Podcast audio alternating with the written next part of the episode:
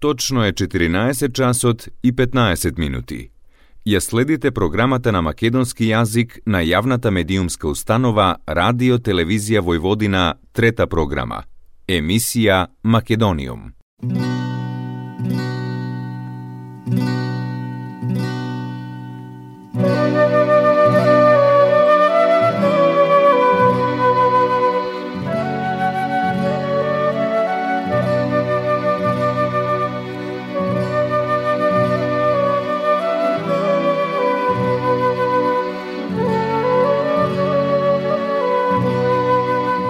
Македониум.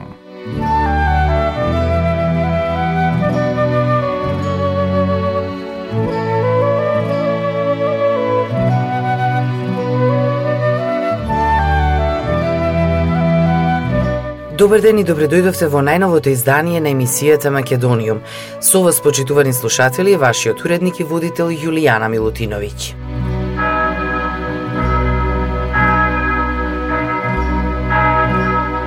Македонијум.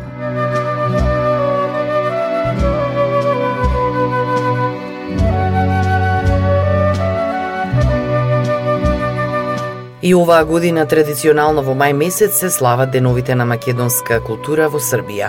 Сдруженијето на граѓаните од македонското национално малцинство од Нови Сад Свети Кирил и Методи оваа година по 16 пат ќе ги одбележи деновите на македонската култура во Нови Сад. Свечената академија во чест на светите браќа Кирил и Методи ќе се одржи на 24 мај во културниот центар на град Нови Сад со почеток во 19 часот. Книжевно-поетската вечер е закажана за 28 мај во 19 часот во просториите на Друштвото на книжевници на Војводина, кога ќе се одржи и промоцијата на книгата Воз на животот од Сонја Конеска Жугиќ од Белград. Ликовната изложба со наслов Инспирација на младиот македонски уметник Славчо Павловски ќе биде отворена на 2 јуни во културниот центар Милош Црњански, додека вечерта посветена на македонската изворна песна ќе биде одржана на 8 јуни во културната станица Екшек. Планот на Сдруженијето е оваа година во периодот од септември до декември да одржи работилници за изучување на македонскиот јазик кој ќе ги води професор магистер Сандра Субиќ.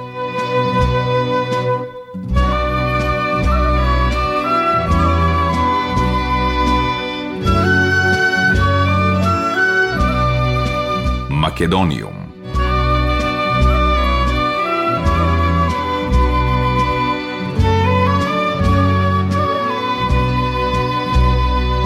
Традиционалната прослава на деновите на македонската култура во Србија, Допир на Македонија во мај месец, ја најави Издруженијето на македонците од Белград, Македониум, кое ја објави својата програма.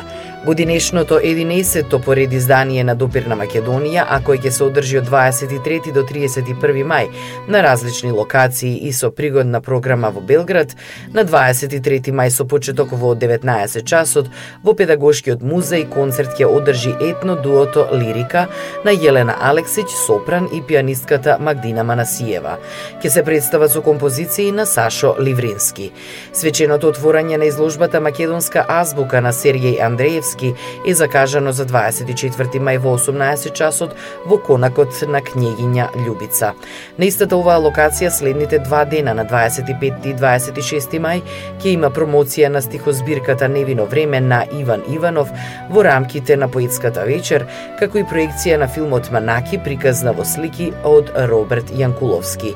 Актерско-музичкиот перформанс Возот на животот со Сонја Коневска Жуѓиќ и ансамблот Македониум ќе се одржи на 27 мај во Педагошкиот музеј со почеток во 19 часот, додека концертот на Билјана Камчева, флейта и сопран, со пијано придружба на Елена Силјановска и сопран придружба од Јелена Алексиќ, ќе се одржи во конакот на княгиња Љубица на 28 мај со почеток во 19 часот.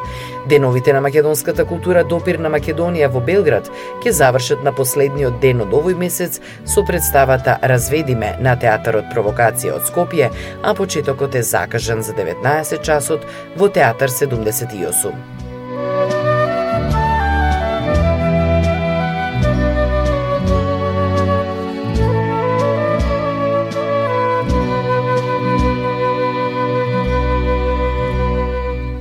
Македониум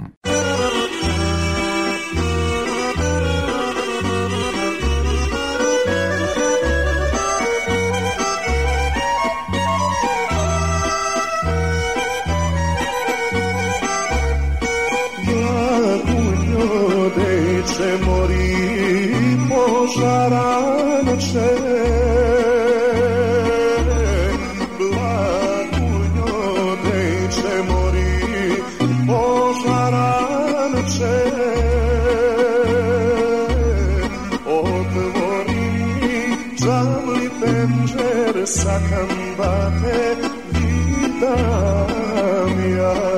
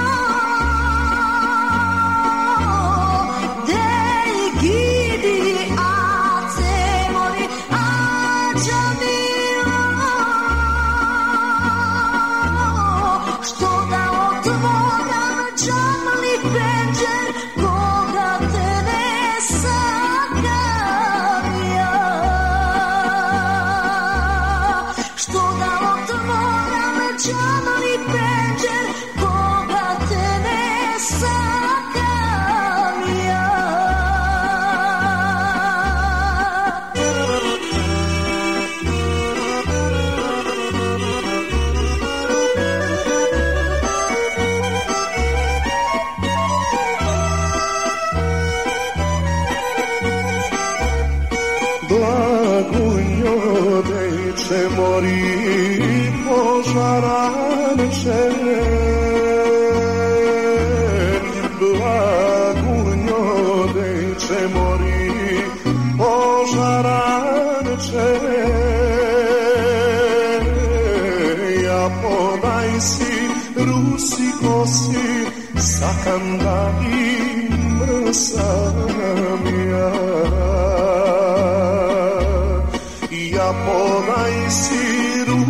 fosi sakambagi nasimian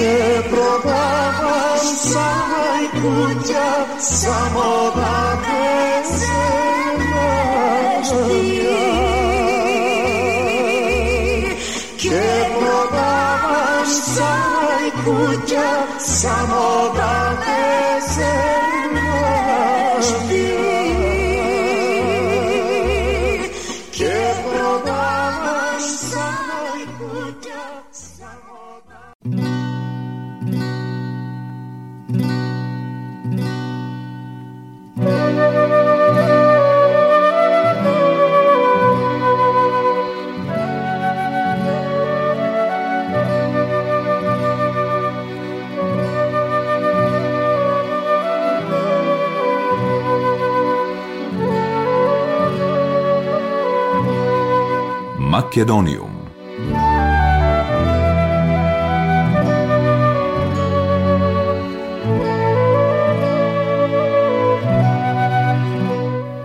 Синодот на Македонската православна црква Охридска архиепископија утре ќе одржи координативна седница на која се очекува да се разгледа одлуката на Српската православна црква да го обнови канонското единство со Македонската црква. На седницата се очекува да се споделат сите информации, а за сите нејасноти кои што произлегоа по последното соопштение од Ниш, ќе се побараат појаснувања од страна на Српската православна црква. Во меѓувреме од Белград веќе беше соопштено дека српскиот патриарх Порфири и македонскиот архиепископ Стефан утре на 19 мај ќе одржат заедничка литургија во храмот Свети Сава во Белград. На литургијата ќе сослужуваат сите архиереи од двете цркви. Дел од владините членови на Синодот на Македонската православна црква Охридска архиепископија пак се уште чекаат на дискусија и заедничко толкување на одлуката на Српската православна црква. За сега имаме само официјално сообштение од страна на Српската православна црква црква мал милион толкувања на истото од стручни и нестручни лица. Има многу пристрасност во толкувањата, дел од политички, дел од национален и секаков друг аспект. Има и судир на суети на лични интереси. Затоа и ја имаме оваа какофонија во јавноста, вели отец Пимен, митрополит на Европската епархија на Македонската православна црква Охридска архиепископија за Дојче Веле на македонски јазик. Вестите кои што вчера пристигнаа од Ниш, каде што заседаваше соборот на Српската православна црква за статусот на Македонската православна црква Охридска архиепископија, предизвикаа дилеми и загриженост во Скопје. Отец Пимен вели дека не би сакал да се впушти во непотребни очекувања кои би долеале масло на огнот. Деновиве секако не ни се дадени за меѓусебни обвинувања, лов на вештерки и непотребни кавги, туку за благодарење на Бога за враќањето во канонското единство со православниот свет и молење на Бога Света Тројца за омудрување пред донесувањето на одлука за следните чекори. Дециден е митрополит Пимен. Тој повикува на воздржаност до утрешната координативна седница на Синодот на Македонската православна црква Охридска архиепископија. На неа ќе се споделат сите нам достапни информации и ќе се појаснат, а за она што и нам не ни е јасно, комисиски ќе се побараат појаснувања од страна на Српската православна црква, вели митрополит Пимен. Предходно владиката Петар во изјава за Дојче Веле на македонски јазик оцени дека вестите кои што во понеделникот на 16 мај пристигнаа од Ниш се позитивни и покажуваат дека работите за Македонската православна црква Охридска архиепископија не одат наназад, туку нанапред. Одлуката на Српската православна црква да го обнови канонското единство со Македонската православна црква Охридска архиепископија е чекор напред во односите меѓу двете цркви, вели митрополитот Преспанско-Пелагониски и администратор австралиски и новозеландски господин Петар. Вселенската патриаршија не упати на Српската православна црква да ги уредиме управните прашања меѓу двете цркви во рамките на светоканонскиот чин и црковното предание. Штом Српската црква прифатила да ги решаваме овие прашања, не гледам што би можело да биде негативно во овој процес, оцени владиката Петар за Дојче Веле на македонски јазик, коментирајќи ја минатонеделната одлука на Цариград. Македониум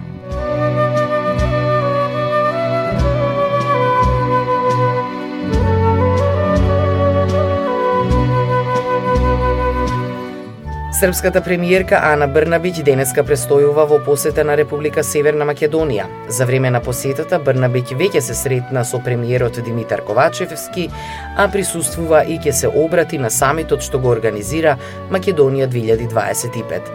Заменик председателот на владата задолжен за европски прашања утрово на Скопскиот аеродром ја пречека српската премиерка и посака добре дојде и изрази големо задоволство од оваа средба, посочувајќи дека оваа средба ќе се искористи за разговори поврзани со напредокот на евроинтеграциите на двете земји, меѓусебната соработка и подготовките околу активностите на самитот Отворен Балкан. Македониум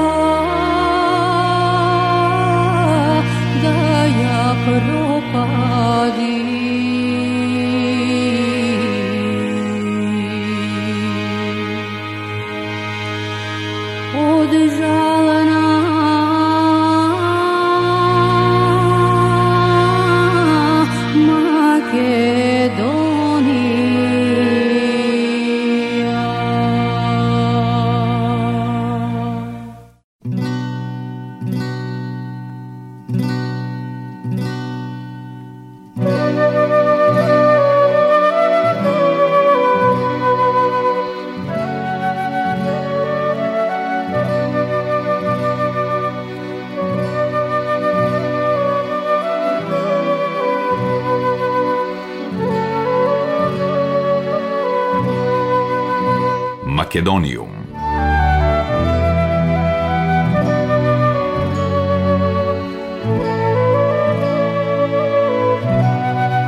Невладината Македонија 2025 денеска и утре во Скопје го одржува 11-тиот самит на кој ќе се обратат околу 40 говорници, меѓу кои и премиерот Димитар Ковачевски и неговата српска колешка Ана Брнабиќ, кои ќе учествуваат на панелот Градење на просперитетна иднина, улогата на регионалната соработка. Според организаторот, фокусот на самитот ќе биде кон се она што може да се направи за да се избегнат кризите и за да станеме попродуктивни и со тоа да се подобри животниот стандард на граѓаните и деловното обкружување за бизнисите. Самитот почнува со економски теми и разгледување на тековните проблеми и она што се случува во Западен Балкан, а потоа ќе поминеме на темите за кои мислиме дека ќе донесат подобра иднина. Сакаме да покажеме и успешни приказни од бизниси од Македонија и од регионот. Очекуваме околу 40 говорници и околу 400 гости. Главната тема на самитот е поврзана со дигитализацијата и технологиите и како тие носат кон компании, работна сила и администрација на иднината, односно како може да помогнат да станеме поефикасни и попродуктивни и да се подобри животниот стандард, изјави Никица Мојсовска Блажевски, главен извршен директор на Македонија 2025. И годинава на самитот ќе учествуваат креатори на политики, лидери на компании, членови на дипломатскиот кор и на меѓународни организации, како и представници на академската и граѓанска заедница, ќе доминираат говорници од Западен Балкан и Југоисточна Европа, како и представници од македонската диаспора, главно од Соединетите Американски држави и Канада. На самитот ќе се дискутираат актуелни теми, како што се дигитализација, развој на технологија, важноста на лидерството, градењето на глобални брендови, дигиталните општества, работните места и човечкиот капитал, како и блокчейн технологиите.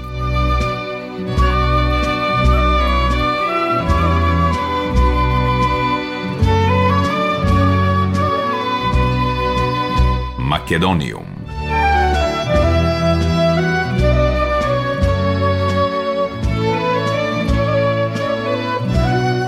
Европскиот парламент денеска ќе расправа за извештајот на европратеникот Илхан Кјучук за напредокот на Република Северна Македонија, во кој Европската Унија се повикува да ги процени историски важните безбедносни импликации за стабилноста и единството на европскиот континент и на Западен Балкан поради рускиот напад врз Украина.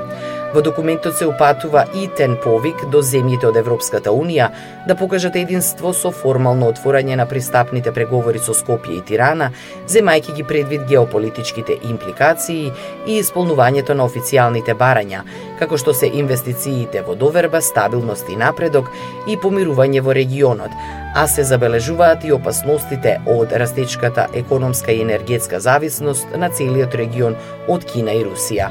Се очекува Европскиот парламент да го поздрави процесот на зајакнувањето на односите на Северна Македонија со соседните земји и зајакнатата регионална соработка содржана во договорот од Преспа и Грција и договорот за пријателство, добрососедство и соработка со Бугарија. Се очекува европратениците да ги повикаат сите земји да продолжат да водат конструктивен диалог за да се обезбеди целосна, доследна и совесна имплементација на двата документи, воздржувајќи се од действија кои би можеле да го подкопаат пристапот во Европската Унија и пошироките европски интереси, а Европската комисија да ги засили своите напори и да го олесни диалогот, на тој начин да го отвори патот одржлив договор. Извештајот изразува поддршка за Скопје и Софија да најдат заемно прифатливо решение решение за отворените билатерални прашања и силно го поздравува политичкиот поттик за широка, конструктивна комуникација меѓу двете земји, барајќи нова заедничка основа во многу области од заемен интерес, наместо дополнителни линии на поделба. Македониум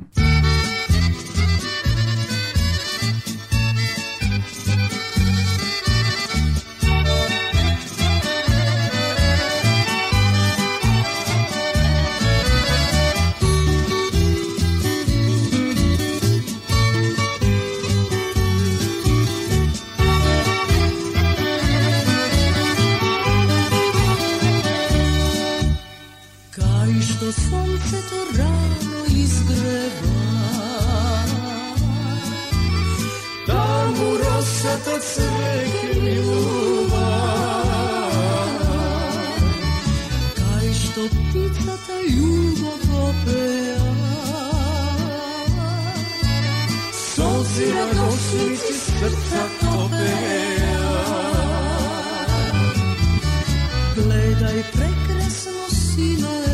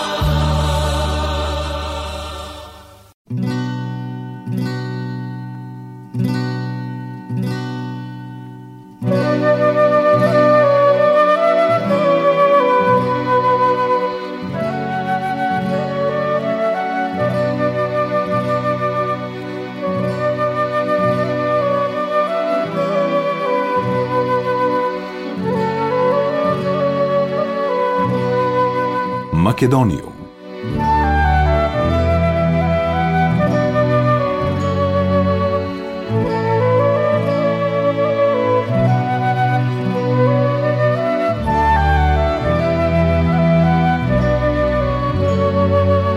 Почитувани слушатели, тоа беше се во денешното издание на емисијата Македониум. До следната среда во исто време, средечен и голем поздрав од вашиот уредник и водител Јулијана Милутиновиќ.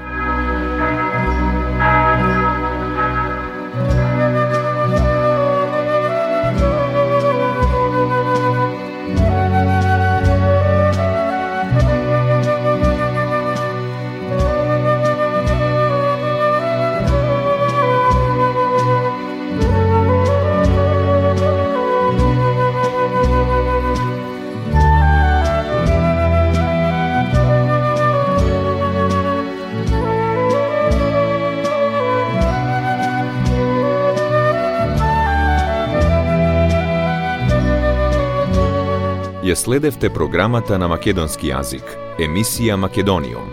Главен и одговорен уредник Воин Поповиќ.